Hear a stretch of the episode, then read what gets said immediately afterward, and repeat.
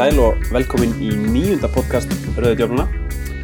Eftir glæsilegan sigur gegn Manchester City hefur ekki blásið byrlega fyrir okkar mönnum þrýr tablikir í rauð á þess að skora mark. Það hefur ekki gert síðan 1989. Bjössi, þú ert svo einu okkar sem mannst eitthvað eftir þessum tíma. Rámaði eitthvað í þessa tabrinu? 80, fyrstu 89, nei, ekki bós. Sem það töpun okkar þegar við töpum hann að 2001, þau, komum með mörgum með það. Já. Ég skil. Það þú mannst ekki neitt eftir þessu? Ég man ekki til neinu, ég er reyndar 89, fyrstu fóru að leiki fyrsta slíkt og svo 5-1 sigur. Kom 1-5 tap í næsta leik, þannig að það var mjög áhuga, áhugaveru tími, sko. En, en nei, get ekki sagt minna þetta. Ok, allavega, já, Bjössi, þú ert þetta mættur. Og svo erum við með Runól sem er að jafna sér eftir tapi gegn FH í ger. Jú, jú, mikið rétt. Og Maggi, þú ert þetta, ég hef eitthvað að minnast á valsleikin í ger.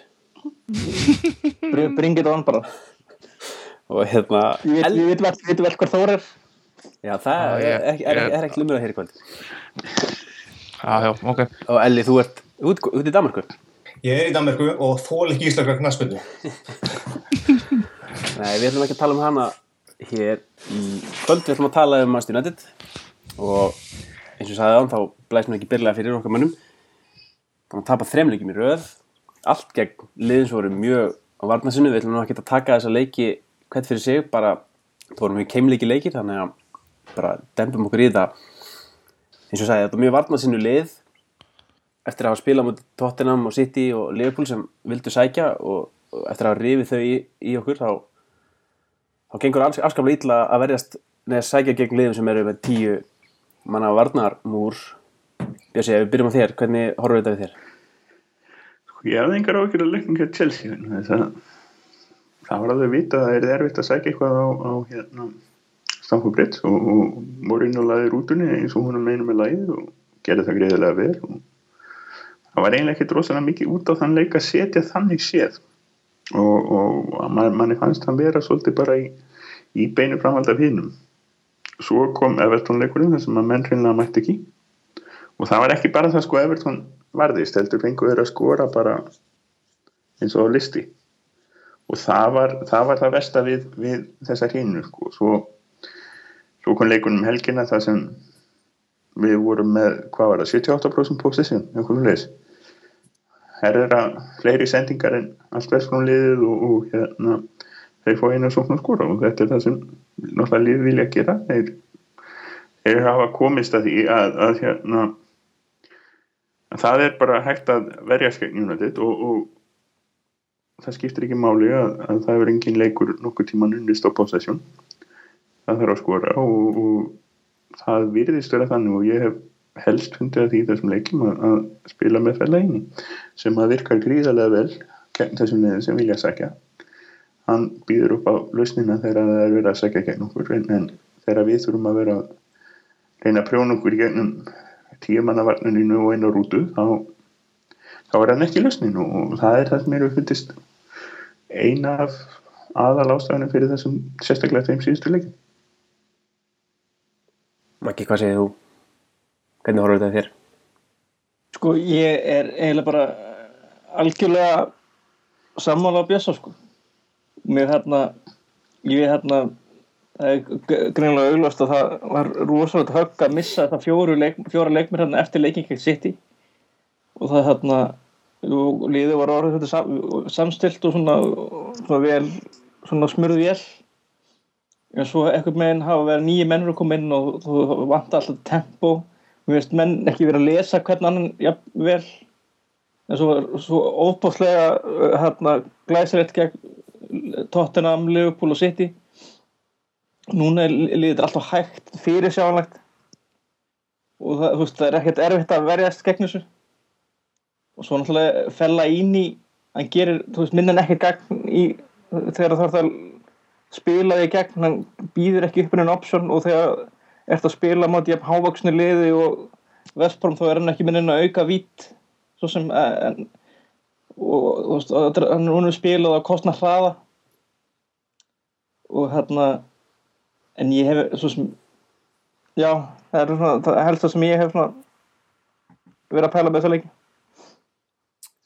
Rúnur, þú sást tilsleikin Já, ég sá nú vel bara highlights í núrunum sko. ég hérna var, ég sá ekki leikin sett í heilsinni en ég, jú, jú, góðar, örugglega gott kortir af uh, highlightsim, þannig að ég sá allt sem skipti máli held ég. Sko, heldur að Múrinni, hann, hann stilt upp þessa rútu. Heldur að fleiri lið fara að gera þetta á mót okkur Já, já, það búið að gera þetta vetur þannig sé sko, það hafa fullt af við höfum átt í basli með líðileg liði í gæðsölöpum og, og þá erum við í basli að skora þegar við viljum að liðin sækja okkur. Og það hendar, virðist hendar rosalega vel að fá liðin eh, eins og liðból tóttunum að sitja eins og við vorum að tala um í byllandi hápressu og þá bara pikkum við þau í sundur og flengjum honum upp og fella inn í og vinnum okkur út úr því en það er eitthvað eitthvað skonar vandamál sem við fylgja því að reyna að fara í gegnum rútuna sko en og reyndar leggurinn betur en flestir sko. En það var hann búin að eila að mér fannst, mér fannst hann bara kortleikja hann eitthvað það vel að Van Gaal hefði mátt til að bregðast við með því að koma einhvern veginn óvart eins og ég rætti við ykkur áður. Já, en sko, man, er, hann, er hann að fara að gera það? Mann finnst hann að vera svolítið fastur í sinni þessar leikspekki sinni og, og ég meina, erum við að fara að sjá hann gera svo Ferguson og Mourinho að gera kannski, haga leiksinum eftir hvernig anstæðingur spila, mann finnst hann náttúrulega í, í sínum, sínum fræðum? Já, hann hefur náttúrulega talað eitthvað um það sjálfur það ekki, hann sýtli upp til að vinna og eitthvað svo leiðis en já, ég við skil, þú veist, hvað við sko, ég, filosofi, kannski þannig sé er ekkert vandamála sem út Chelsea, það var bara, þú veist, að þú veist, þeir voru búinir að kortleggja hvar færlega inn í eriði og, þú veist, hvernig sóknarleikundir hafi verið og allt þetta aðeins, þannig að, þú veist, það, veist, það er svona spil, reyna að breyta ykkur sko, þú veist, breyta þessum, hálóttaboltum í, að færa færlega inn í til eða eitthvað, sko, ég, þú veist, mér fannst þetta vera bara, hann var bara með hann eða lesin allan tíman og, og svo pótuð þeir allir inn hann þessu blessa marki, en ég held að þeir hefði alveg sett sér við 0-0 bara eins og á mútið Arsenal sko. Og verðast vera leikmann hjá Mourinho í flestum stóru leikjunum allavega svona eftir áramót. Er, þarf eitthvað, fyrir ekki, þarf eitthvað að breyta sko, nú er þetta fjóri þrý stíl orðið ansi sko, kom, komið til að vera og, og við séum það svo sem að já, hún grunaði það að það myndi enda þannig þó að hösti væri rosalega ruglingslegt út af meðslum en, en þarf eitthvað, sko mér finnst eins og ég segi, ég vil bara sjá fæla einum út í liðum sem sækja og ég vil ekki sjá hann út í liðum sem að Já, ég, sækja ekki. Þarf eitthvað þarf eitthvað, þarf eitthvað að vera hérna að, að hnika rosalega mikið til nema að skipta honum út? Þarf eitthvað að breytist fjórið þrýfyrir eitthvað rosalega mikið ef við sagt, aðeins breytum því hverju spil á, á miðinni ef, ef að við erum með þessa hann, hann, hann var þarna sko ef, ef, hann, hann var hérna eh, rosalega mikið vinstra megin í þessum flestum leikjum. Nema hvað ef við, skoðum hérna leikin á móti Vestbróm þá er hann komin út um allan völl. Þá er hann sko til dæmis að skoða sendingar hjá honum á móti Chelsea þá er það bara fyrst og fremst sko vinstra megin. Með þess að á, á, á smá bletti á, á sko vinstri kantinum móti Vestbróm þá er hann út um allan völl. Þannig að hann er greinlega í öðru hlutverki. Og er það ekki bara betra að hafa einhvern annan í því hlutverki? Við vorum alltaf voru með sko rúni á meðinni sem er skelvilegt, má ekki gerast bara virkar ekki. Og er ekkert betra eldur en læni á miðinni en, en, en sko þessi tveir eiga bara ekki að vera þannig á miðinni í leikjum á móti móti þessum liðum þar sem við virkilega þurfum annarkort sko hraða og, og prjón eða, eða eitthvað svona undirferli eða, eða hvað það má kalla að, að, að, þræða sendingum í gegnum börn eða eitthvað. Mér finnst, mér finnst að það þurfi ekki endilega að breyta sko fjóru þrý þrý bara einhverja sem er aðeins spila aðeins öðruvísi. Við erum það söknum Karrik gríðarlega mikið í þessu eins og hefur nú verið farið vel yfir bæði okkur og, og annars þar Þannig vendar þess að vörn og, og, og, sækir á við og fram á við og sko, ég meina Herrera hefur nú kannski leist þessi hlutverk ágætlega á móti Vafbja og, og Chelsea, þá var hann alveg að þokka liður hann djúpur en hann samt einhvern veginn þú veist, hann er aðeins og varkár þegar hann er eðlega náttúrulega, þegar hann er í hérna, þegar hann þarf að spila svona aftar. Og maður vill kannski, maður vill hafa hann framar til þess að reyna að koma með þessa kill sendingu og með Karrik fyrir aftar hann þá hefur hann tækifærið þess. Að það er, ég held að Karrik náttúrulega er ótrúlega, maður saknar hans bara gríðalega og sést bara best þegar hann er ekki liðinu hvað við erum háðunum. Svolítið fyndi samt sko maður aftur fyrir ekki að ég er að leika mér hér í í, í, í Statsson sko. En maður skoða dagsportið fyrir herrara múti Vestbróm og Karrik á múti Villa. Þá er svona stærsti munun á því sko sendingarnir á það sem að oft er talað um út af Karik, hann sé svona útsuna samar og allt þetta og sendingaminstri er ekkit rosalega mismöndi það sem maður sér sko er eins og hlutir eins og sko interceptions og annað slíkt. Tæklingar og annað. Að það er sko Karik með 2-3 meira. Það er, það, það er eins og það skipti sko meira máli heldur en einhver útsjónasemi og spilamennskafinu þegar náttúrulega á móti Vestbrón þá vorum við parkeraði fyrir fram að víta þetta var eins og handbólti og hérna þá í sjálfu sér sko ég er ekki vissum að Karek hefði skipt neinu stóru máli í þeim leik. En það sem Karri gerir líka, hann vinnur boltan og kemur hann strax í spil þegar hitlið er í sókn eða veist, að, að í svona sóknar fasa þannig að þá náum við þeim þú veist, svona komið með óvörum með því að hann er, gera strax á sko. hann er náttúrulega mikilvægastur hvað var það skýnd, eða eins og þú sagði bara með skýndisóknarlega síðskiljuru hann er sóknar átletið þegar hann interceptar og við breykum, þá ef hann ekki til staðar þá þetta menn bara í það rúlunum til hliðar þannig til að hitlið er komið í, í handbóltaverðuna sína nýra á djebúa sko. Hann er líka svo góður að lesa leikin þegar hinliðin er að koma í sók þá er hann svo góður að hjálpa þeim sem er hana, í vörninni. Akkurat að bakka inn og vera bara hérna 50 maðurinn í varnalínun öftistur að stoppa allar sendingar sem er að koma inn. Er, hann er bara gríðarlega mikilvægur enda er það ekki tilviljan að við erum búin að tapa þrjum leikjum í röð. Það er akkurat leikinni sem hann vantar hérna hann er líka ekkert mikið að fara í tæklingar því hann er alltaf á réttum stað hann þarf ekkert að tækla, hann bara svona ítir mönnum af veginn. svo Ríó Ferdinand Já, það er hérna útrúlega góður eiginleiki. Við kannski tölum aðeins beinum arftaka Karika eftir því hann er nú að verða hann er nú að komast á eftirlaun árin.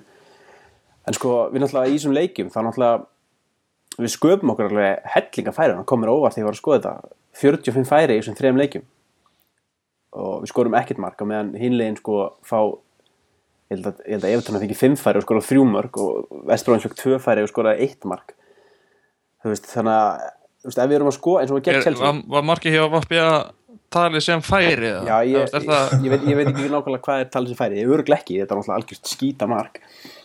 aukarspinna kannski færi skilur en Já. og, ég, já, já, já, segi það En sko, þú veist, ef við, í öllum svo leikjum, Chelsea sko, fær hún í döðafæri, er allir held að hann hefði skorað þarna bara strax á þriðju myndu, þá náttúrulega spilast þá leikur allt öðru síð, þá þurfa Chelsea menn að fara sér framar og reyna á stíðan, þá opnast allt fyrir okkur. Gegn Evertón fær fella inn í fullkom tækifæri til að jafna 1-1, bara um leið og þeir skora. Og svo náttúrulega fengum við hellinga færi um Víti og, og hérna Van Persie og Young fengu allir góð færi gegn Vesmur Sálbjörn, þannig að þú veist, við verðum að þessi færi verða að fara að nýtast sko. þetta er ekki flókið, það þarf er nýta færin. þetta er rosa einfalt og pælir í því sko en En þú veist að við sköpum svo svakalega mikið að þeim. Já ég veit gott við sko ég horfði myndið á Vappi að leikin og þetta mikið, ég veist, eins lélur og leikurum var þannig séð þá, þú veist, hann hefði geta farið 3-4-0 þannig séð bara svona allt í lægi og það hefði ekki verið vandamál en bara einhvern veginn það loka skoti klikkað alltaf eða eitthvað loka sendinga eða eitthvað Þetta er náttúrulega ástæðan okkur, maður er ekki kannski grátandunni sæng er akkurat út að við erum búin að skapa öll þessi færi, þetta er ekki búin að vera neitt hræðilegt fyrir utan Evertónleikin. Já, það sem var reyndar mjög fín fyrstu svona 45 hef ég heyrt allavega, eða ekki? Eða, ég, sko, fyrir utan markið á þeim, Já, það byrja með. þetta leikum var þetta byrja, þetta kannski 20-25 var alveg allt í lægi, liðið var að sko, skapa sér, eitthvað ofta komið sér í góða stöður eins og oft sé en það kannski klikkaði loka sendinga og skot þeir fengu fín skotfæri en það var alltaf laflaust beint á Hávard Já, já, en svo bara einhvern veginn gáðist hún upp þegar setna marki kom og, og, og svo náttúrulega þriða marki algjör killer. Þetta þriðja mark var alveg hræðilegt, sko. Það er ekki sagt annað bara hvernig Valencia gat bara slögt á heilanum að það, sko, það er... Já, ég, ég, já, ég, eftir að hafa þetta aftur, sko, fyrst þá sem þetta bara verið mark, að því ég sé þetta aftur, ég skil ekki af hverju er ekki flauta strax á rangstæða á, hérna, á Lukaku, sendingin er klárlega inn á hann og hann bara rétt með sér boltan og oft hefur það sé bara flauta, flaggað á þetta að, strax. hann þarf að snerta hann sækast nýja reglunni verið vera. Hann þarf bókstaflega að vera, bara, ef hann, já, hann þarf að snerta boltan, bara til að sé rángstæður held ég. Eh, Þetta er opbúslega astnalegt. Það er eina sem ég hef að segja, þetta er bara mjög meina, við höfum, við, við grættum til dæmis á þessu gegn Preston í FB-garnum, Rúni var náttúrulega klálega rángstæður og hafði klálega áhrif á leikin, hann kom ekki við boltan hann í markinu Já, það er alveg rétt, sko. En það fannst mér að rangstæða líka. já, þetta, já þetta, þetta leit mjög ill út Þannig er við, undarlegt að, að það sé ekki búið að prenta inn í menn að, að, menn sé ekki með að prenta inn í sig að spila þá til að dómarinn flautar sko. Það er, þú veist, þeir eru út búin að spila fótbolta í meir hlutuna lífin einhvern veginn og ert ennþá í þessum bransa sko. það er svolítið undarlegt undir að horfa upp á það sko. En ég sko, ég hugsa ef, ef, ef þetta er nákvæmlega sömu lið og svo byrja spilu United vaffi að leikin ef við myndum spila hann 100 sinum United myndi vinna 99 sinum þetta var svona algjör frík úslit og náttúrulega líta verður út af því að þau eru að koma hérna í kjölfara hinn og tveim sko. að verður samt að segja að Vesbrom er búið að vinna okkur núna tvísvar af síðustu þrejum leikjum og gera játtöflega í millitíðinni sko. það er þeir eru með eitthvað að taka á okkur. Já, en þetta allt, allt undir mismöndu stjórum. Það er endar sjokk, nei. Jú, sko Steve Clark í fyrra. Já, já, já, þeim, já, já, og já. hérna Alan Irvine núna í vor, nei haust og svo Tony Poulis nú En byrju, þetta er fjóri leikir, það var ekki fimm, fimm leikurinn fyrir, nei, jú. Að- það var, það var Steve Clark. Já, eða þú veist, það eru, það eru fjóri leikir síðan að þeir töpu, sem við unnum þá þá, eða fimm fjóri, fimm það er nokkuð magnað, sko. Ja, en þetta en þetta er sem sagt kannski þannig að við erum, við erum búin að finna það út að, að tvö stærstu vandamálun í þessu eru eða þrjú stærstu vandamálun er það að okkur við söknum Karek fælaðinni virkar ekki nógu vel liðum sem að liggja tilbaka. Og við getum ekki skorað. Fórum við ekki, tölum við ekki eitthvað um þetta eitthvað fyrir vetur, að hinliðin þau verið að skora mjög auðveldlega ofta tíðum. Og við ekki við þurfum oft rosalega mikið til þess að drulla boltanum í netið hefur við skorað mikið á svona drullum mörgum í vetur nei, nei, ég er bara tala um, við þurfum Já, við sko, skorað grísamörg við höfum ekki að skora mikið á við- mann finnst líka að- þetta er allt gert og flókið það er alltaf mikið verið að gefa rennandi hlýðar í staðan fyrir þessu Rúni þá hans að spila sem miðumæður það er nokkur skipti hérna að gefa upp í það sem hann hefði bara hreinlega að skjóta á markið. Já, mér, ég er enda sammála því, við vera fullt mikið í einhverjum Arsenal sóknarleik ofta tíðum, sko. Þetta er aðeins svo passíft sko, hérna, við, við erum þarna, þetta er aðeins svo mikið að reyna að alltaf spilum að lappa með hann í markið, finnst manni stundum. Þannig finnst, maður velti fyrir sér að maður er að sko að Guardiola banni sínu leikunum að taka langskot og maður heyrt hvort að það sé sko hérna, eitthvað svona, þú veist, ef þú ert með opin leikmann hliðinar þá skýtur ekki boltanum hjá Vangal mann, að því já, er alveg samanlega Rúni og Herrera voru oft svona í þokkalegum skotfærum en Það var ekki samt, eins og móti, Evertón eða eitthvað, Magnir lit bara vaða tvisar, þrísvar, hérna, Já. af einhverjum Chelsea, hann átti Chelsea, mjög alveg. fín skot þar Talandi samt um einhvern nýr og allt einu að bara taka til því í þessu þrein tapleikin þá var hann búin að vera í byrjunarleginu í öllum þrein það segja kandilega að spila eitthvað eh, ástæðan fyrir þessu en hann er reynda búin að vera, finnst mér bara fínt sko en það sem hann segir helling að hann er byrjunarlegismæðurinn hérna fyrir United á þessu tímabili og við erum að reyna ná í mistaralluta sæti Jú, jú. Alltaf ég, Bjössi, líst þess ákveðlega á það, alltaf var komin fínasta holning á hópin hann í þessum sigurleikum, það var sama liðið að spila hann á sko nefnsta leik og svo allt í einu bara búm, fjórir út, miðmannir bakverð og sóknarmannir á miðju og nýr hafsend og eitthvað, þá það er kannski bara ómikið Já, það datt allt temp, datt svona cohesion úr liðinu. Menn voru með hlutverkinn á hreinu og svo var menn allir komin í ný hlutverk og þú veist, þá var gali vist rosa duglegur og láta menn hafa bara lista yfir hvað er meg og hvað er meg ekki gera, sko.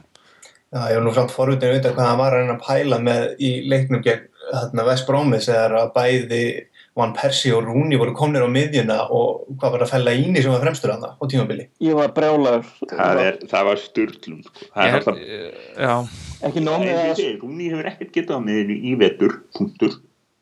Fann Persi hefur ekkert getað í vetur, vetur bara, bara nokkuð tíma finnst mér sko Já, ég meina, skilur það, það rúninga miðju stæfi en er þetta ekki bara óskup einfalt? Við þurfum að núna skrýða yfir, við, það þarf fimm stig, þrýleikir eftir, og vanda fjögur steg, fimm. nei fjögur Við erum fjórum stigum, við erum miklu betri markatölu en lög erum við nema fjórum stigum á undan Liverpool. við erum fjögur steg með undan lög Já, þá, þá, þurfum við, þá þurfum við sko fimm stig. Ef við erum fjórum stigum á undan, þá þurfum við fimm stig. Liverpool getur náðu nýju. já, við, ef, já, já, ég var búin að hugsta þannig að við okkur nægir fjögur steg ef að, að Leifupól vinnur ekki Chelsea Já, þá náðu ykkur á þrjú stig, sko. Nei, ekki alveg Jú, jú, jú, jú. Þið getið rætt þessu starfræði ykkar senna en ok, þannig að við erum alveg búin að komast það. Við þurfum sko fimm stig sem að geta annarkvort verið stig hjá okkur eða töpu stig hjá Liverpool. Og Liverpool á Chelsea um næstu helgi. Uh, við um húli í síðasta leik, við þurfum bara að klára þetta og svo getum við. Og ég held að þessi, þessi samráður okkar núna sko síðustu, síðustu 20 mínútur hafa leitt það í ljós að við þurfum að styrkja liðið vegna þess að annarkvort þurfum að erum við ekki með nógu góða mann sem að gera mistök. Eða þá að við erum með menn sem er að verða gamlir eða þá að við erum með menn sem að eru og mikilvægur og þeir dett út úr liðinu þá er þá reynir allt. Að Við þurfum að detti í svona Chelsea business kaupa bara þrjá leikmenn sem eru líklegir til að fara beintir í byrjunarlið Okkur vantar kantmenn, Já, það er endar alveg klart. Akkur er það? Bara það vantar, bara finnst mér hraða þarna upp vangina til að þú sást þarna nokkur með þessu leikjum. Þegar hann eiginlega spila hratt og út á kantin og sitja fyrir þá og komið bestu færin. Sérstaklega mátti liðum svona hægari liðunum eins og Chelsea er þetta ekki hraðasta vörnin í deildinni.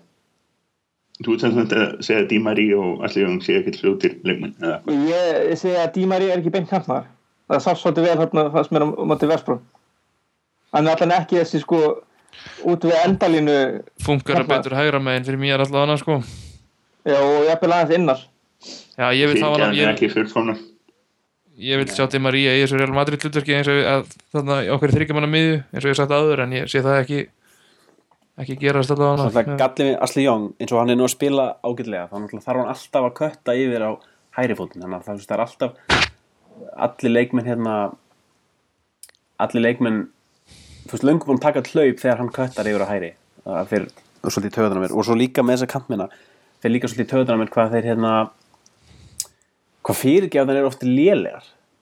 Og þú veist, það er oft í staði fyrir að reyna að hitta nákvæmlega á réttan mann þá er svona einhvern veginn hit and hope bara, ég gef inni og vondi gerast eitthvað. Þannig finnst vanta á svona meiri, eins og allt á nú að vera nákvæmt undir vangala, þá finnst manni vanta meiri svona hérna vanta meira svona ákveðni í þessum sendingum Þannig að basically við þurfum hafsend, þurfum miðmann, þurfum annan miðmann, kantmann, kantmann og sendir. og hægri bakur Og hægri bakur fyrir ekki. Séu menn sem lappa beintinn? og vonandi ekki markmann Nei, við, eh, sko... Ég held í að versta þurfi nú ekki alveg- Með Viktor Valdes, sko, Viktor Valdes er ekki lélugum markmann. Meina, koma. Hann er ekki bestu markmann í heimi, en, en hann er ágættu hann skipur. hann er frambærilegur Og ég meina, hann getur spilað fyrir okkur í 2-3-4 ár, ef, ef við þurfum þess. Geimið markmannumræðina, við ætlum að taka hana á eftir Jú, ok. Er ekki, er ekki komið með leikina er ekki þetta bara inn í markmannu umræðina Það er eitt, eitt, eitt sem er hérna nokkur að bæta við þessa leiki sko. Alltaf að slæma við að tapa þessum þreim leikjum er að nú verðum við að fara líklegast í svo lengi sem við klúrum sér algjörlega þá þurfum við að fara í hérna þurfum við að fara í undakjarni mestrarleildunar sem er nú ekki alveg alveg nógu gott. Nei, hún er Mæt, bætast við þetta tveir auka leikir í ágúst þegar dildin er að byrja. Já, ég, ég er ekki ég er mjög ósattur með það að þurfa að fara ekki eitthvað það. Mér, það er pyrrað með mestu að klúra þessu þar því að ég líka þú ert ekkert að mæta einhverjum skelvilegum liðum þarna. þetta eru nú bara Lefi Gúsin og Valencia og eitthvað svona lið Og í- og í tveimur leikjum þá veit maður ekkert veist, það þarf ekki nefnum bara einhver að fá raukt í uh, þú veist, Phil Jones lætur eitthvað súta eftir fimm mínútur eða eitthvað þá, þá getur allt farið til helvítis. Nákvæmlega, en svo, en veist, svo er kannski pluss og mínusar við þetta er að, sko, mínusin er kannski að að það var svo, komið svo rosalega gott momentum á okkar menn. Að þú veist, maður hann svo bjart sér fyrir framaldi að, að, og þú veist, það hefur svo svakalega gott að að klára þetta sísón með, sko jafnvel krafti og liðið var komið á þá hefur, hefur svo jákvæð umræða í, sumar og menn hefur svona getað byrjað þetta almennilega en kannski plúsin er þá að, að sko, veiklingarnir eru kannski þá að koma í gegn núna heldur frekar en á næst tímbli þú veist, núna vitum við nákvæmlega hvað þarf að laga og það er þetta gengi á móti þessum liðum sem eru hann í mið, miðadeldi við erum með fínt rekord gegn stóru liðunum og, og liðum sem er að falla Ég held að það kikki líka inn á næsta ári sko. þú veist, allar þessar tilrunir á sekundin eins og leikjum núna sérstaklega með þú veist, alltaf óútskýranlegt sko, en ég held, Gaal er ekkert að fara að gleyma þessum leikjum sem er búin að tapa á móti Vafbja og Svonsíu og einhverjum svona, leiðum sko. það er bara bókin og svo er bara í sumar unni úr því hvernig á að að vinna þessi lið, ég held að hann komi þú veist, mun betri inn á næsta ári Já, Það að er svolítið síðan að fann hvað þurfti síðast að spila í deild þegar hann hefur einhvern tíma gert það það er sem að svona leikir tapast. En þess að það er bara ekki þannig sko, þetta svona leikir tapast ekki á Spáni þeir tapast ekki í Þísklandi kannski í Hollandi þegar hann var náttúrulega ekki með hvað, var þegar hann var með sem var Vitesse, kannski helst sko hann var í einhverju svona. En hérna en, en uh, þetta er bara ákveðið sko kústusjók og, og hérna hann er alltaf ok og við vorum að tapa einhverju slatt af þessum líka máður en, en þetta er bara eitthvað það sem að þeir voru að tala um þetta hann í Arsenal Hull að minnast á hvort það var verið að vitna í eitthvað viðtal við hann hérna Ösil eða eitthvað. Að á Spáni sko, það var 3-0 í hálfleik á Spáni hefði leiknum verið 6-1 eða 6-0 og þannig að fór hann 3-1 sko. Húl kemur út úr hlíðinu og berst á fullu skora mark og, og gefur ekkert eftir. Þó var leikunni sér um búin í hálfleik þannig að að- og eins og sko, Vestbróm þá var leikunni bara ekkert búin þegar hann er búin og þá eru þeir bara allt í einu búin að vinna það er ekkert gefið eftir sko. það er engin jafnvel þó að United hefði skora mark þá hefur kannski ekki endilega endilega það. Einmitt, Þetta er mjög góða punktur og ég held að hérna, ég held að þetta hafi komið á óvart, ég held að hann ekki alveg reikna með ég held að hann ekki bara haft vita alveg hvað deildin væri svona svakalega og hvað þessi, þessi útileikir eru rosalega erfiðir og, og ég held að það hafi haft klálega áhrif á gengi United á þessu tímbilif og, og, og náttúrulega úti gengi lýsar útivelli er náttúrulega ekki, ekki næstu því nógu gott sko. Og það er rosalegt sveigurum þar til þess að bæta sig á næst tímbili heimagengið er nú bara, er bara fínt. Og en á mútið Aston Villa og Swansea og þessum liðum, þá verðum við einfallega bara að að taka þrjú stig. Alltaf ef við ætlum að, við ætlum að gera eitthvað merkild í þessar delta næst tímafli uh, Sigurjón, þú ert mættur sveið Jú, jú, ég ákvaða að láta sjá mig hérna. Mm, velkomin, velkomin, við erum búin að ræða þessi þrjú töp. Getum við sparkað þeim út í hafsauga og fara eitthvað annað bara? Hérna, tekið Já, sem betur ætlum að tala fyrir um- var ég ekki með í því. Nei, við ætlum að tala þessum David Gea og hans mál, það er svona mikið reikið stefna, það veit enginn hvað er að gerast með hann hvort hann fer að þetta er eitthvað rosa haltu með sleftu myndaði mig sko. hann- ég, það lukkar ekki vel. Hann er með sko Louis van Gaal sagði einfallega bara um daginn að hérna, hann er með tilbúða borðinu sem hefur komið ljósa virðist vera eitthvað 200 pund á viku sem er ótrúlega upphæð fyrir markmann, ég voru lengi markmann með herri, herri launin það. Þannig að hann er með rosalega tilbúð á borðinu og þarf við rauninni bara, ef hann vill vera áfram þá þarf hann bara að skrifa undir það. Ég, ég fær að halda að máli sé sko að hann er að býða eftir svari frá Real Madrid af að þeir eru að býða eftir svari frá Ike Casillas. Af því að hann á samningi ykkur tvö ári viðbútt sko. Og ég held að þeir séu ekkert að fara að og veist, og svo náttúrulega eru þeir með besta markmann spansku deildarinnar í fyrra allavega samkvæmt kostningun á Spáni bara á bekknum. Þannig að ég, þú veist, ég held að þetta sé eitthvað svona rosa kapall sko. og ég bara svo er maður bara skítrættur við að hann fari bara í lóksumma þegar við getum ekkert gert. En þú veist, þá setjum við uppi með Viktor Valdes og það er ekki arslæmt en hann hefur náttúrulega ekki spilað alvöru knarspunduleik núna í eitthvað já, langan tíma.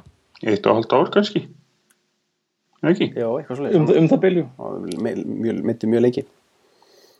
En sko að einhver tímabundi þarf Júnat bara að segja við hann heyrðu, nú þarf þú að ákveði An- annars, hérna, þú veist, við þurfum að fara við þurfum að fara að undirbúa sumarið sko. hann getur ekkert hald, haldi báðum aðilum einhvern veginn hérna, volgum sko. svo er náttúrulega jó, jókerinn í þessu öllu er Jorge að vinna okkur. Já, já, það er náttúrulega bara alveg líkilatri hvað hva United vill vera að gera fyrir hann og við hann hann er, það, hann er með eitthvað myndir af einhverjum hann sem er ekki sjást sko. Nei, sko, þetta er náttúrulega er held ég, það, ég las einhverju grein að mörgum að hérna menn voru að tala um sko að, að núna, þetta er bara eins og vandamál það eru sko tíu þú tala við leikmann og það eru tíu mann sem segast vera sko agentin og það eru kannski þrýr sem hafa rétt fyrir sig.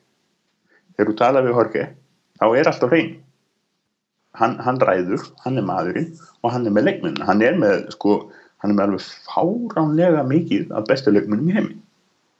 Þannig að það eru sko, ef þú ætlar að hengja hattin á einhver agent þá er, þá er það horgæð sem þú gerir sko.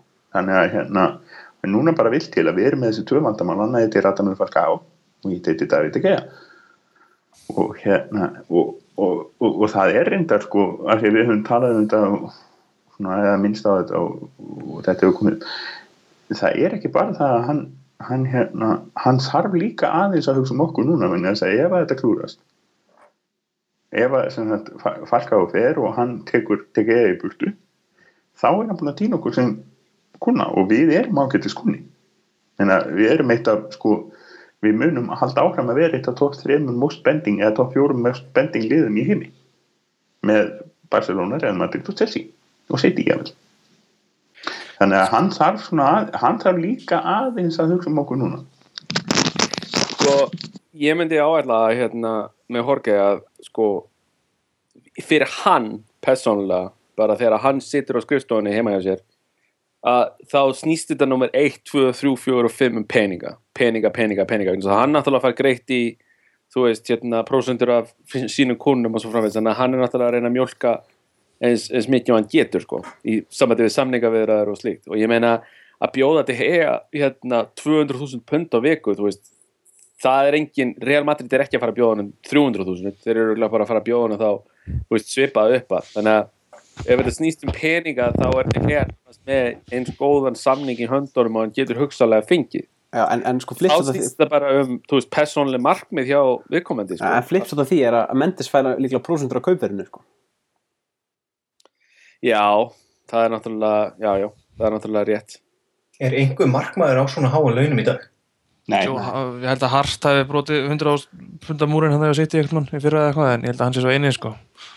En fær Jorge ekki prósendur af, af, af hérna, svona, sæn, þeir, þeir borga signing fee, náttúrulega. já, já, Já. Já. fær allstaðar prósendur Það fær allstæða prósendur og ég, og hérna, en það er eitt sko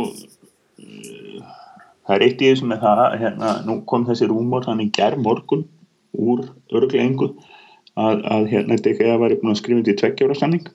Það er að segja einu ári lengur en samningurinn hans er núna. Og það væri þá, sko svoleiði samningur var náttúrulega bara annarkvort til að fresta þessum eitt ári eða til að Já, það var í frestunum eitt ár og meðan þeir henda Casillas í burtu það eftir eitt ár eða lifa hann að fara eða, til að selja hann í sumar fyrir ennþá meiri pinn þannig að hérna Ég meina, sko, við verðum að er- líta á þannig. Er sko DGA, hann er ekki við ætlum að styrka okkur í sumar við vitum það og vonandi gengur það vel. Ef það gengur ekki vel, ef við erum alltaf með sko með lið sem er næsta ár einhverju svipuður ekki og við erum með okkur ætti DGA að nenna því? Bara sériðust, á hann að nenna því? Á hann að nenna Já, því að vera sko að bjarga okkur hægri vinstri þegar hann gæti verið að spila með Real Madrid sko verið í fríi helmingin á leikunum og, og farið í sko undan úrslit í mestaradildinu og unnið, jável mestaradildina með Real hann hlýtur að hugsa svona líka sko. Já, Nei. það geta líka allir hugsað svona, geta, þú veist, á Rúni að nenna þessu, á Mata að nenna þessu, veist, já, á, já, það, já sko venna þess að það hafa, þeir hafa ekki alveg alveg sömu sko það, það er ekki verið að hræra eins rosalega í þeim og við vitum að það er verið að hræra í þegar hann er með basically samning frá Real á borðinu. Ég held að það hljóti bara að vera. Ef hann vil fara til Real á einhvern tímapunkti þá getur hann gert það hinn er ekki sko það, það var einhver stórkostlega surreal sko rúmurum að Barcelona voru eftir sko Herrera Mata og Vein Rúni af öllum Meina, en það er bara víst, það er bara eitthvað bull. En við vitum að Real Madrid og DHA eru issue, það er bara mál. Það, það er enginn af hínum sko, með þetta með þetta í raun og veru tilbúð við snálat borðinu og DHA með þannig að víst, og þá fer hann að hugsa þetta. Á ég að vera þannig aftast í maður í einhverju hrýflegri vörn á ég að fara til Real Madrid það er og við þurfum bara að gera eitthvað í sumar til að sína honum að hann eigi að vera hjá okkur. Þetta var akkurat það sem ég var að hugsa þegar við vorum að tapa þessu þrejum leikjum í það var, æ, þetta, þetta er ekki að ferur örgulega pyrraður og áttu þrjá góða leiki eða fjóra en alveg frábæra leiki.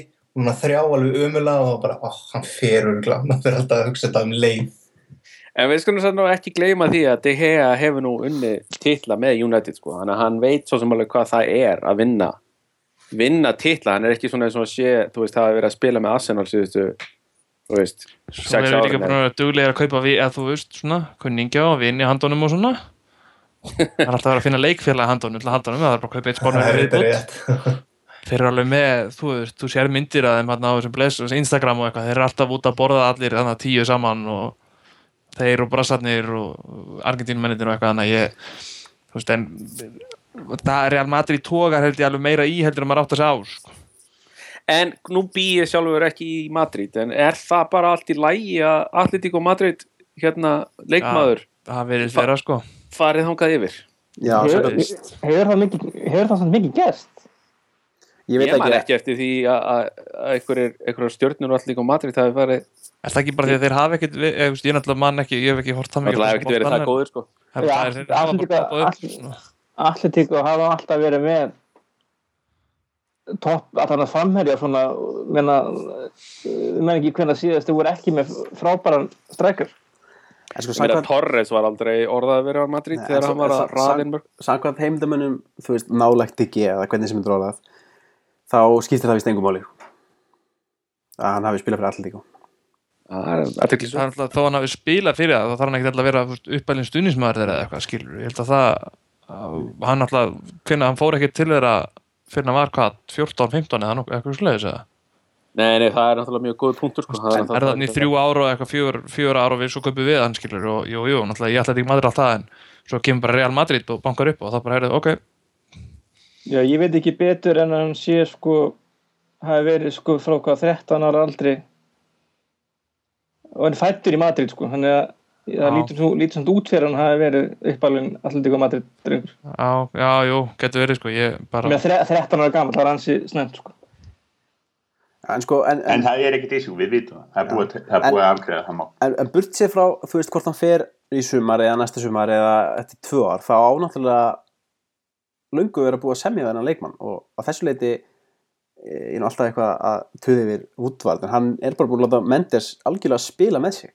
Þess að við keiftum tvo leikmenn sem Mendes er með, sem sko við keiftum Di Maria og Falcao og við vorum einu liðin sem raunin gátum fengið þessa leikmenn. PSG vildi fá Di Maria, gátu það ekki, þannig að við vorum einu liði sem gæti gert það. Og ástæðan fyrir því að Mendes vildi færa Di Maria var að hann geti komið öðrum félagsinum, Hernand, nei hérna James til Real Madrid. Og þú veist Woodward ánáttúrulega bara að segja við hann herri, ok, ég get alveg kæft þessa leikmenn aðeir en þá þarf þú að sjá til þess að David De Gea skrifa þetta nýja samningum hvort sem hann fari, skilur þá þarf hann bara að skrifa þetta nýja samning svo við fáum pening fyrir hann. Ef maður Já, ég- kaupa falka á til að halda þetta geða, Já, ég, neða, ég veit það ekki, ég nenni ekki að þetta peningastús er eins og ég sagði aðan við ykkur, ég held mér að Harry Retna bara, ég bara vill bara fótboltan peningastús er bara ykkur annar staðar að Já, það er þetta rétt en, en á þessum tímapunkti þá ég nenni ekki þessari um, ef þessi umræða er, hún, hún getur hún fyrir svo margar áttir sko. ég bara, ég Ég reyndi að vera að segja að ég er svona semi hérna smá vonsökin yfir því að þetta hega skuli ekki þú veist, segja eitthvað skilur Já, þetta fyrir svolítið töðan manni ég meina því að hann er svo hann virðist vera svo næs gaur sko og er svo mikilvægur hérna hlekkur í liðinu og, og mikilvægt andlit á Old Trafford og svo framvegis. Það er allir sem elska hann mann sko. Og hérna að hann skuli ekki veist, koma fram og segja eitthvað svona já bara leiði mér bara hérna, veist, segja bara eitthvað skilur í staðan verður að vera með þess svakalega þögn og, og allir eru bara að ring snúast yfir því hvað hann ætli sér að gera sko. spurning hvort það séu bara skilabúð, haltu kjátt það er náttúrulega bara að Mendes. en þú veist, ég meina, hann ánáttúrulega bara skrifundur hann hennan samning og þú veist, til að ganga skuggum það að United fái eitthvað sæmilega pening fyrir hann. Var, var það ekki máli fram eftir hausti í fyrra? Það var, það var alltaf sko, slúri var alltaf það sko að við United vildi einhverjar 40-45 miljónir release og, og Jorge Mendes heimtaði sko 25 eða 30. Já, ég get alveg sagt United, hvað kefti United eftir á? 20, milli 19 20 og 25? 19,8 eða eitthvað held ég 19 eða 20 það er alltaf skandall ef hann fer á svo svipuð verði til Real Madrid eftir að sko United búið að eyða hann á að, dobla það verð sko. Já, eftir að United búið að eyða hérna fjórum árum í að, í að búa til besta markmann í heiminum Það er samt svo dæmigert United. Real Madrid eru bara duglegir að já gera ljóta hluti ja, þeir, eru bara með, þeir eru með góða samningamenn ó, og hefna ólíkt okkar manni sem Já. verðist bara ekki hafa hugmyndum hvernig, þú veist, ok, hann kann að semja um auðlíska samninga en þegar kemur á leikmönnum og fótboltamálum þá verðist hann bara ekki vita hvað snýr upp og hvað snýr niður sko. En Gil var ekkert betri, ekkert rosalega mikið betri. Við seldum eitt leikmann á, á einhverju verði sko sem að þótti næstu því sangjan. Svo kemur ljós sko að það var alltaf sko helm- 50% dólar sko. Við höfum átt að selja Ronaldo sko 120. í raun og veru. Miklu meira í rauninni með hvað hann er búin að vera brillina síðan við seldum Já, það var náttúrulega ekki alveg vita sko. það var ekki alveg vita Fengu það var Það var klásulu. Já, já, ég víst, það var það klásulur sökka, sko, en, en, en við höfum sem þetta alltaf áborgað og alltaf, sko og af því að ég held að þetta, sko það býður reynda miklu betri tíma og típurumræðu, ég ætla bara að skella þessu fram. Uh, það er eina af ástæðunum fyrir að við keiftum kannski ekki alltaf nógu af við vissum alltaf að við myndum óborga og menn voru bara ekki sátti við það. Núna lóksins erum við sko, við, náttúrulega við óborguðum fyrir dí, í hennar Di Maria. En við bara það, viðst, það var bara allt í leið við, við ákvaðum að kaupa.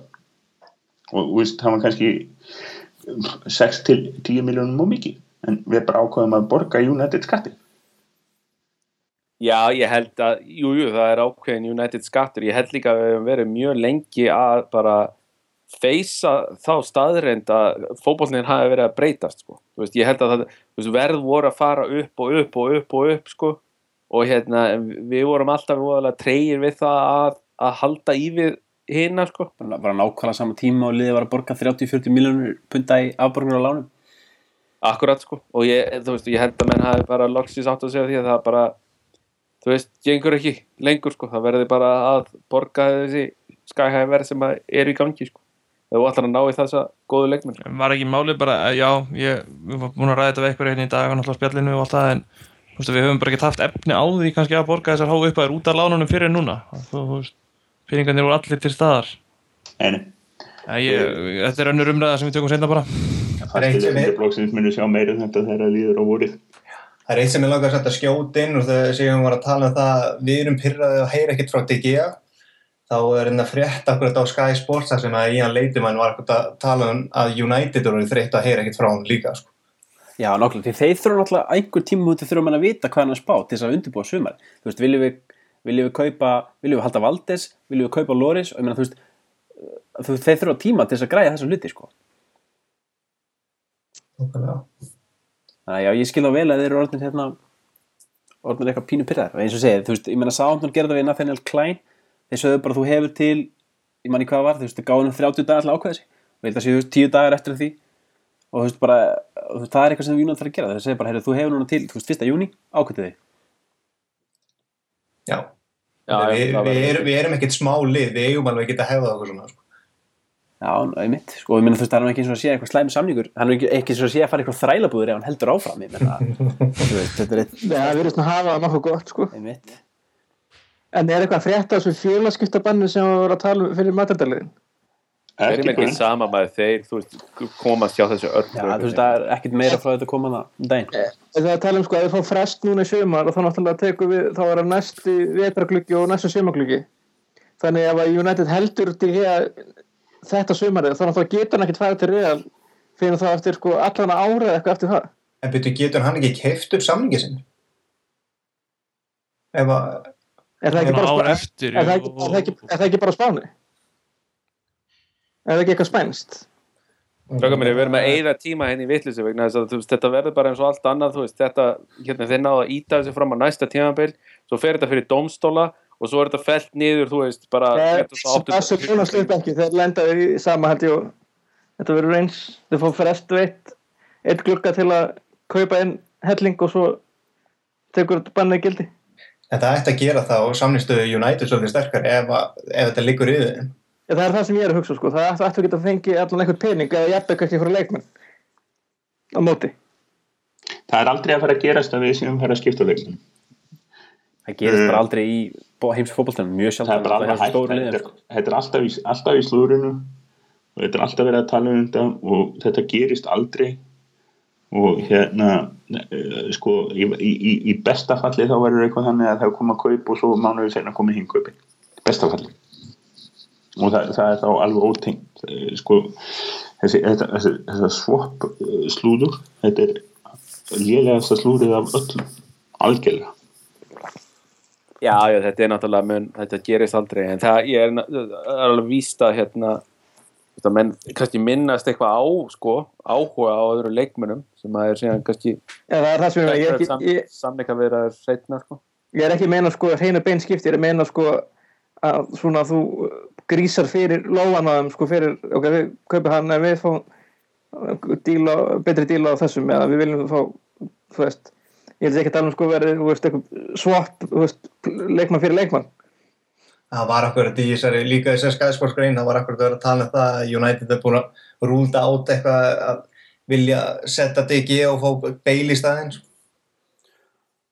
Já, það verðist einmitt vera hérna, þú veist, það var þetta eitt og verið einmitt núna undanfærið að þú veist, þessi DG að beil, þetta sé eitthvað tengt en, en allavega verðist það ekki vera samkvæmt svona blaðminn sem við erum til en við, hérna, við ætlum að tala um beil, uh, fara bara yfir það þetta var fínt hjá þér, Eli, gott hjá þér að minnast beil að hérna United verðist klálega að vera eftir kantmanni og það er svona frekar áræðinlega blaðamenn sem tala um það að við viljum reyna að fá beil og, og Depay er náttúrulega búin að vera á uh, listanum síðustu mánuði ansi lengi sko. og þú veist það kom nú hérna, ég man ekki hvernig var hvað, eða tveim vikum, þá var Depay mættu til Manchester til að halda einhverja leinufundi með einhverjum en, hérna, United eða Liverpool eða eitthvað. Og svo komið freknin að þetta hefði verið Liverpool og hann sé mögulega að fara til Liverpool. Það sem ég óttast í þetta er að við viljum fá annarkot þeirra en endum að við fá hvora. Þegar við ætlum að býða eftir að næla til pay að þegar við höldum að Bale sé laus. Og svo endum við að missa til pay að þegar við vorum að býða til Bale. Og svo kemur ljós að Bale fari ekki neitt. Því að ég mun akkurat til Real Madrid að selja Bale. Það er nákvæmlega því ég segi akkur ætti Real Madrid að selja Bale. Og akkur ætti Bale að Venezuela endilega að fara frá Madrid. Ef það er real kaupi nýja stjórnu og, og ef það er, er, er rétt það sem að hann er verið sér svona óvinsæll hjá, í liðinu að þá geta hann að þeir los stampa alltaf einhverju stjórnu til, til, til að fá nýja og ég sé ekkert að það ætti að vera góðmjögulegt sko. Það er eitt í þessu með að hann hérna mann skilst að kærast hann að konan hans búið með börnum hans í Wales þannig að hann er svona að fljúa á milli sko. það er alltaf kona, Það- alltaf verða kona sem að Já, rugglar í þessu. Það er enda mjög undarlegt. Akkur ósköpum að hún ekki verið búið í Madrid líka? Ég meina Wales er, þetta er fallit land. Já, já en, það, það vil ekki allir verið í sólinni Nei, kannski, Nei, kannski, rétt. kannski er rauðhærð. En er beil ekki fyrir eitthvað óvinsæll þess að dagana hjá Real? Jú, jú, hann ekki grýttur út eitthvað- eftir eitthvað leikum daginn og eitthvað hendi ykkur í bílinn hans og eitthvað Það er alltaf eitthvað sliðis Það verðist vera eitthvað óvenju óvinsæll, maður verðist alltaf sjá einhverja veist, sem er að íta undir náttúrulega þetta transferrúmus til United. ég held að þetta sé bara leki ég held að þetta sé að stýra þessu þannig að þegar þegar er að selja hann og þá, já, sko, hann var ekki vinsæll og stuðnismenn og, og eitthvað svona pyrrinn þetta geti verið svona svona stýrð umræða frá Real Já. Þetta er þessi, ég vona bara reynilega að United bara, þetta er bara fyrstu kaupir, það verður bara Memphis til pay, að ávist að kalla alltaf bara Memphis. Og ef að Bale býst okkur líka þá má alveg hugsa í það, en bara neglið þessu örugu díl út að ég held að Memphis til United er nokkuð örugt, ég trú ekki að hann fara eitthvað annað. ef við viljum hann. Það, sko, Já. sko, það er skrítið með þetta. Að, að rúmurinn er að segja já, United þeir eru í þriðasæti þeir eru sína vægan áhuga. Maður skilur það ekki. Sko, en, en það var einmitt einn fréttin. Hún, hún talaði um Bale í því samengi að sko, stjórnarmenn hjá United segðu sko, akkurat þetta kauptu það sem vilt. Ef að Bale kemur þá er það bara bónus. Þá, þá, veist, þá kaupum það bara on top. Við, þú, þú veist hvað þú þart við fáum bara ég meina, hann er búin að segja núna tvisvar sko að innkaupalistin sé bara basically ready. Og hérna þá, er, þá bara afgreðum það. Bale er ekki á þeim innkaupalista hann, Nei, hann- hann, hann- hann er bara fyrir utan alltaf lista hann, Hann fekk náttúrulega Bara- innkaupa frá Já, aðdáðandur ég ætla að minnast á það, það var mjög fyndið Ég held líka að, hann ég held að, ég held að helminguna listanum hafi verið á hans lista sko. það hafi verið að best að vita sko. En sko, sko, glotti svo mikið þannig að hann fekk listin í hendunar sko. það var svona, já, ég, ég er eiginlega búin að redda þessu eitthvað sem glott á hann sko. en var ekki einmitt ekki Depay á þessum lista sem hann fekk Ú, jú, neð, var, það getur verið að hann hafi ekki verið það, ég man það ekki alveg. Nei, Depay var ekki, það var Jackson, Martinez og, og Pogba og- og Nei, Depay var á listanum. Það var bara þannig þegar að eh, ég held að það hafi verið þannig þegar, þegar að hérna þegar að uh, Van Gaal les upp listan þá þá sleppir hann Depay en, en Depay var á listanum þegar, þegar að strákurinn sko en þess að þið töluðu fyrstu strákin sem hann var með listan og hann las hann upp já. og með verðum og svo, var svona líka dom, viðtal dom, við dón. Bæti- Þessi krakkinn eftir að taka við að útvart. Já, hérna, Já, hann alltaf var tilbúin í eða nú um peningum, sko. en sko, En mér, mér fannst þetta stór, skemmtilegt og fyrirlegt hann að Jackson Martínez sem að við vorum svolítið að tala um bara gott ef ekki fyrir tveim árum jáfnvel. já, hann poppar alltaf upp annars lagi. Já, ég hef einmitt ekki alltaf séð hann sko, hafa alltaf minnst á hann í fyrra sko. Nei. En, en sko varandi Depay, þá held ég að, eða Memphis, þá held ég að hann sé svona svipa og með, með Daily Blind, sko, þú veist, ef við viljum hann þá, þá fáum við hann. Og það sé alltaf, og sko, ég, meina, ég held líka að umbúsmaðurinn hans og PSV muni alltaf komið því skilabók þegar áleiðist í United, það ef, ef Liverpool, ef hann, þú veist, þeir, Depay er að, er að, hann er alveg að fara að semja Liverpool, alveg að fara að semja PSG, þá fá, muni United fá þessi skilabók Já, og, og fá að koma inn í díl. já, fá að koma inn að því, þú veist, þeir geta allt, þeir geta bóðið, þú veist, þeir geta bóðið miklu meiri pening, þeir geta bóðið miklu meiri laun, þeir geta bóðið, þú veist, miklu betri, þeir geta bara bóðið allt miklu betra. Þannig að hérna, já, já, ég, það, eiginlega, það liggur við sko, ég hafi áhyggjur af því hvað, sko, hvað þetta virðist vera solid yngöpalisti. Það er ekkert slúður nefnum ákveðna leikna.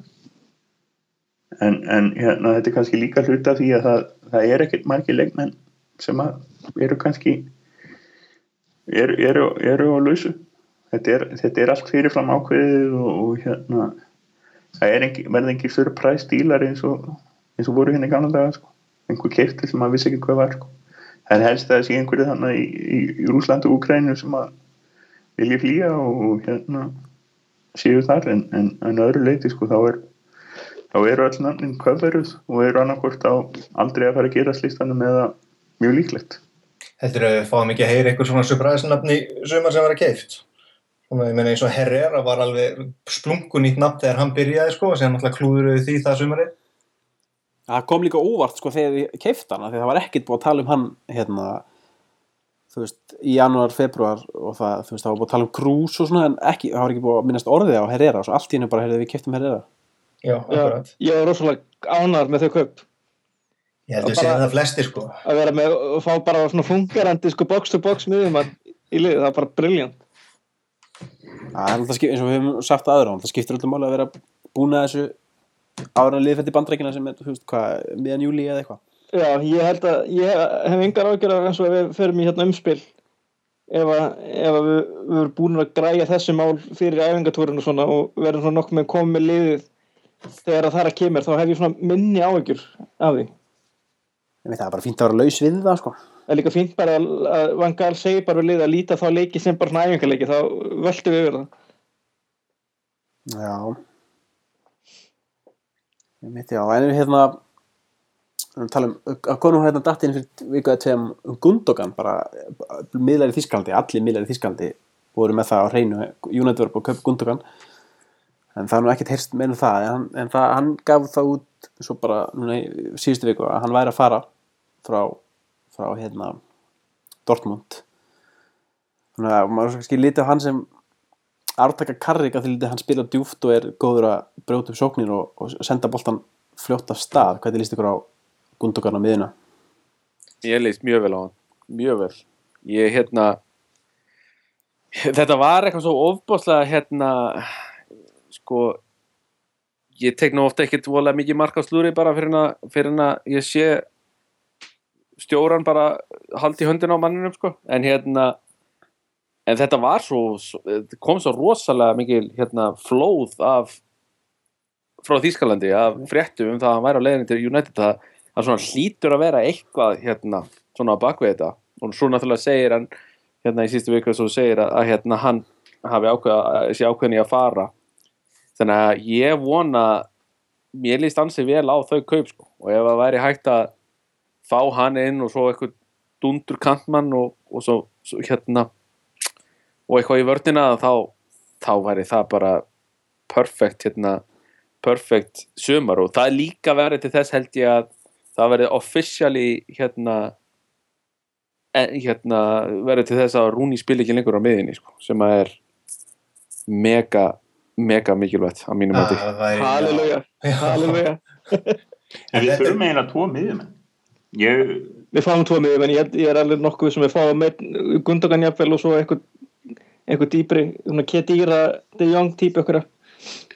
var, hefðum við eitthvað á móti De Jong, ég menna hann Nei, De Jong, De Jong væri með fýtt svona að koma inn bara sko. ég, ég, ég, ég, Ég meina, hann er fyrir um City en okkur alveg saman það en, og hann, hann Það er svo langt síðan, það var áður var það Spánverið en hann um árið og hann getur fínt cover fyrir Karri hann er meiri svona betri þessu stöðu heldur en blind allavega eins og er. Já, það eru flestir. Já, það er þannig. Þannig að ég, ég var alveg sko að hann kemi nóg þú veist, hann, hann var í svona blindtransfer skiluru einhver sem að hann skal veita að hann getur fengið. Og fær ef hann ákveður það bara eitt fyrir því hann er reyndar á frjálsir, er það ekki? Er það Jú, ekki er Jong og Hvað er báðir ég held að sé fættir 84 ok, þannig að ég minna hann á alveg tvö ára eftir. Er nú eitthvað verið að tala um Kedira en, en uh, mér skilst að mér skilst að Louis van Gaal hafi hafnaði að fá hann þegar van Gaal var að stjórna bæinn þannig að það er kannski ólíklegt að ólíklegt að hann fái já, það er ekki meira að gera bara með miðjumennar sem var með fyrir. En Kedira þarf náttúrulega ákveðið sig sko, hann er að fara frá Real. Það er einlega reyna já, og veist, hann þarf að finna sko, hann þarf að finna sér góðan klub einmitt, það, þeir tóku eitthvað góð umræðandi í fútbol vikli í gær og, og hérna þá einmitt þeir töldu líklegast að hann færi að ekki það sem topplið myndi, vilja, myndi fá hann sko. að hann færi, hann, sjálfke vill fá hann og hann er mjög líklegt að hann myndi enda þar því þeir geta búið hann um mikið penning var hann ekki þar Það held að hann hafi komið frá stútkart upp á það.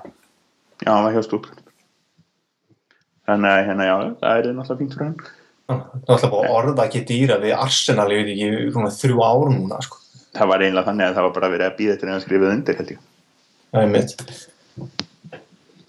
en það, Já, ég held að hann sé nú kannski ekki einhver svona hérna, hæ, svona mikilvægt target, target fyrir þetta sumar sko svona fyrir við, við þurfum alla klúpa sko. En hann er fýtt svona fyrir mann á frítransfer og hann er ekki nema 28 ára. En við, við, við, við þurfum við þurfum tvo miðmenn, það er alveg rétt af því að þú veist, ég menna Karrika meittur og þá skyndilega það rúni að fara á miðina en svo hann er alltaf er svona já, fyrir ekki. maður velti fyrir sig hvort að kannski uh, Pereira muni spila starra hlutverk á næst tímbili, hann er nýbúin undir nýja samning menn held að hann var að fara til PSG en hann, hann hefur nú fengið að tækifæri með aðliðinu, hann, hann, hann hefur er hann ekki er hann ekki, er hann ekki öðru hverju hérna þetta miðustöðinni með fremri miðumæður Jó, en þú veist, bara breytt á miðina já, já, já, ég meina það lítur út fyrir að Janus að fari út á lán. Og með það sem Pereira var að segja þegar hann skrifaði undir þá var hann ekki að fara út á lán. Þá var hann verið sagt það. En þess að hann talaði um sko að þróast hjá United og, og hann gerir það ekki ef hann fyrir á lán. Þannig að hann fer líklega ekki á lán næsta vitur og Van Gaal hefur náttúrulega alltaf tekið einhverja svona unga leikmenn og eins og við séð bara þessi tímbili með Magnér og Blackett já, ég meina ef hann gefið talaði þeim sénsinn sko já, já en Pereira kemur þá inn á næsta ári bara svona eins og eins og Wilson og, og þeir koma inn, kom inn á þessu ári Hver er þessi bara- Wilson? hann hefur Já. horfið alveg gjössan. hann er held ég. hann er bara minning Já, er hann búin að vera með ég held að það sé búin að vera meittur undir fari Já, ok. Já, hann hefur náttúrulega ekki einu sinni spilað fyrir, já, það lítur að vera. Það, menn að hann hefur ekki einu sinni spilað fyrir undir 21, sko. Jó, hann spilaði fyrir undir 21 liðið gegn Leicester um daginn og hérna var bara ansið sprækur ég horfði á það leik ég held að hann ekki spila sérstu tvo eða þrjá leiki Nei, náttúrulega fann Percy var að spila hann það. Ég man ekki, að Janus að byrjar alla leiki núna á auðvitað dönum já, það er, já, það er, ég veit ekki, þetta er, við, við, höfum það nefni við og, og Pereira er, þeir tala mjög vel um hann strókarnir sem er að fylgjast með, sko, U21 og hann er, eins og ég segi, núna þegar hann búin að skrifa þetta hvað er þetta ekki, fjórar ára samningur, 2019 já, og hérna þá getur hann settlast svolítið og, og hérna, við sjáum til hvernig þetta fer.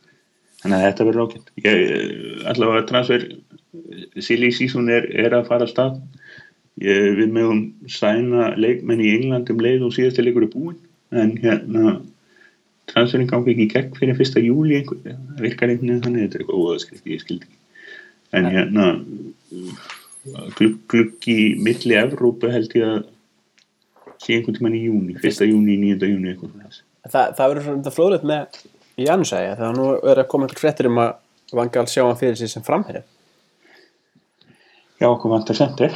Það það verður kannski fróðlegt að sjá hvort að hann verði áfram hjá United og, og fá kannski tækifærið þar því það er náttúrulega það er staði sem vantar Já, ef við, kaup, við kaupum ekki sendir þá er það einlaust. Ég meina hvort sem við kaupum einhvern veginn notu í vansvæð þá náttúrulega vantar einn leikmann frammi. Já, já. Ef við við ráð fyrir að falka sko- og fari það er að segja. Falka á fer, Mm. Wilson fer á lán. Við þurfum þrjá sendira Já, vil þú séum bara að spila með reglulega sko. Ekki gleyma nú vini mínum Hernandez kemur aftur heim. Þú ert mjög hrifin á honum. Ég er mjög hrifin á honum, já. Hann er nú að skora held ykkur 20 mörg í 20 ég, ég, ég, ég, ég er alveg tilbúin í að taka stórt velmál við því um það hvort það sé líklega að Javier Hernandez eða Angelo Henrique spili fyrir United næsta vor, næsta veitur Já, já, það er, svo er hann náttúrulega líka hérna Já, Hernandi, ég get alveg bara að stoppa þetta veðmál strax. Hernandi er ekki fara að spila leik aftur fyrir mastunend Henrique ekki heldur fyrir heldur. Ég held að það sé alveg Nei, ég held að það koma annar fótur út. Já, já. hann er búin að spila vel hann í, í Dynamo Zagreb en hann er ekkert að koma átt Leðilegt, ég er að fengja eitthvað ég held ég bara aldrei sé hann spila.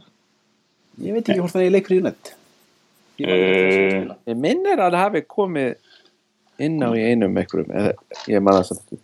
Ég megi svo ekki gleyma að við hefum náttúrulega ennþá nani hérna og Já, það er Við erum með gullnámur út um allan heim. Og Nani er Er skrifað þeir ekki, er þeir ekki verið meistarar á, í Portugal? Jú, og sko Nani er líka með einhverja, hann er í topplistanum við þá leikmenn sem er bestu engun í, í mestrarildina þessu tímubli og var frábær fyrir þá þar. Nani kemur heim og En sko kemur heim. Nani er á En langtíma- Ríka sem en engan leik fyrir United en, en Nani skrifaði Já, 5 ok. ár samning á 2013 þannig að hann er á langtíma samning á United. Furðulegasti samningu sem United hefur sko ever skrifað undir. Ég held að þeir hafi verið að búast við að, að búast undir að lána hann og svo jafnvel selja hann og fá penni fyrir hann. Já, þú skrifar ekki undir 5 ára samning ef þú ætlar að selja hann árið setna og sérstaklega ekki þess að þeir eru á þokkalunum launum en hann er að lækki launum sko allstæðar og þetta að borga með hann og síðan þarf ekki að kaupa neitt markmann við erum náttúrulega með Linnegarðan líka sko. Ég, ég held að hann væri að sko 100% að fara í janúar og ég held að hann hafi haldið það líka Já, hann held það ég, En það hefði nú alveg verið ágætt að að hafa Nani svona inn, innan, inn, innan handar í- Nani hefði spilað fullt af leikum í vetur en hefði verið með alveg fullt af. Já, ég held það líka já, ég samfærum það líka sko. Fór hann ekki með til bandrækjana? Í, í þessu fyrir svona? jú, Jú, Jú. jú, jú. Herri býta var ekki Nani einn af þessum sko sem spiluð í hérna leiknum þar sem við ákveðum að selja alla leikmenn sem spiluð í leikin hérna, MK Dons leiknum, fræga. Jú, gott ef ekki. Hann er bara þrælfínt lið, þeir eru komin upp í Championship. Smá, Eh, smá upplöð snæði fyrir okkur. Ég- við skulum taka MK Dons á dagskrunni og það springur eitthvað í springur slagað í, í ennun á mér eða eitthvað Ertu, með svona mikla treyður Wimbledon eða? ég bara er með treyðu knattspyrnun og, og hérna hefðir er en allavega, já, hvað segir ég? Hérna, já, Nani hefði spilað fullt að leikin það bara, við vissum ekki hvernig, en náttúrulega vorum búin að kaupa Di Maria og allt þetta og, og hérna, þetta var mjög skynsalegt lán en, eins og, og sísonu fór þá, þá hann spilað alveg bönnsarleikin United ætti, ef, ef hann fer í sumar þá ætti nú að fá þokkalan pening fyrir hann. Hann er bara að standa sig ágætlega hann Nei, hvert er hann að fara? Við fáum 20 millur hámark, kannski fyrir Já, ég myndi kalla 20 miljonir fyrir Nani á þessu tíma þetta er bara alveg ég held frábært að þú væri kannski að tala um 30 fyrir Já, ég var svona 10 miljonir Sko, Nani, Nani var keiftur á 17 fyrir, þú veist, all löngu síðan sko.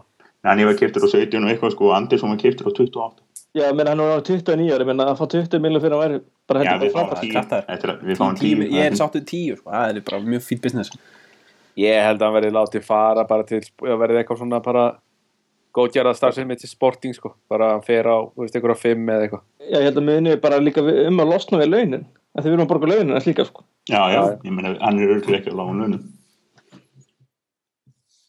Nei, Nei, þetta, þetta verður alltaf komið ljós bara þetta, Einmitt, það er langt silly season framöndan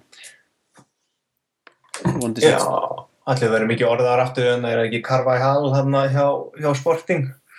Sem að vera örgulega kemur upp á þetta hans bjössa skipti dílar.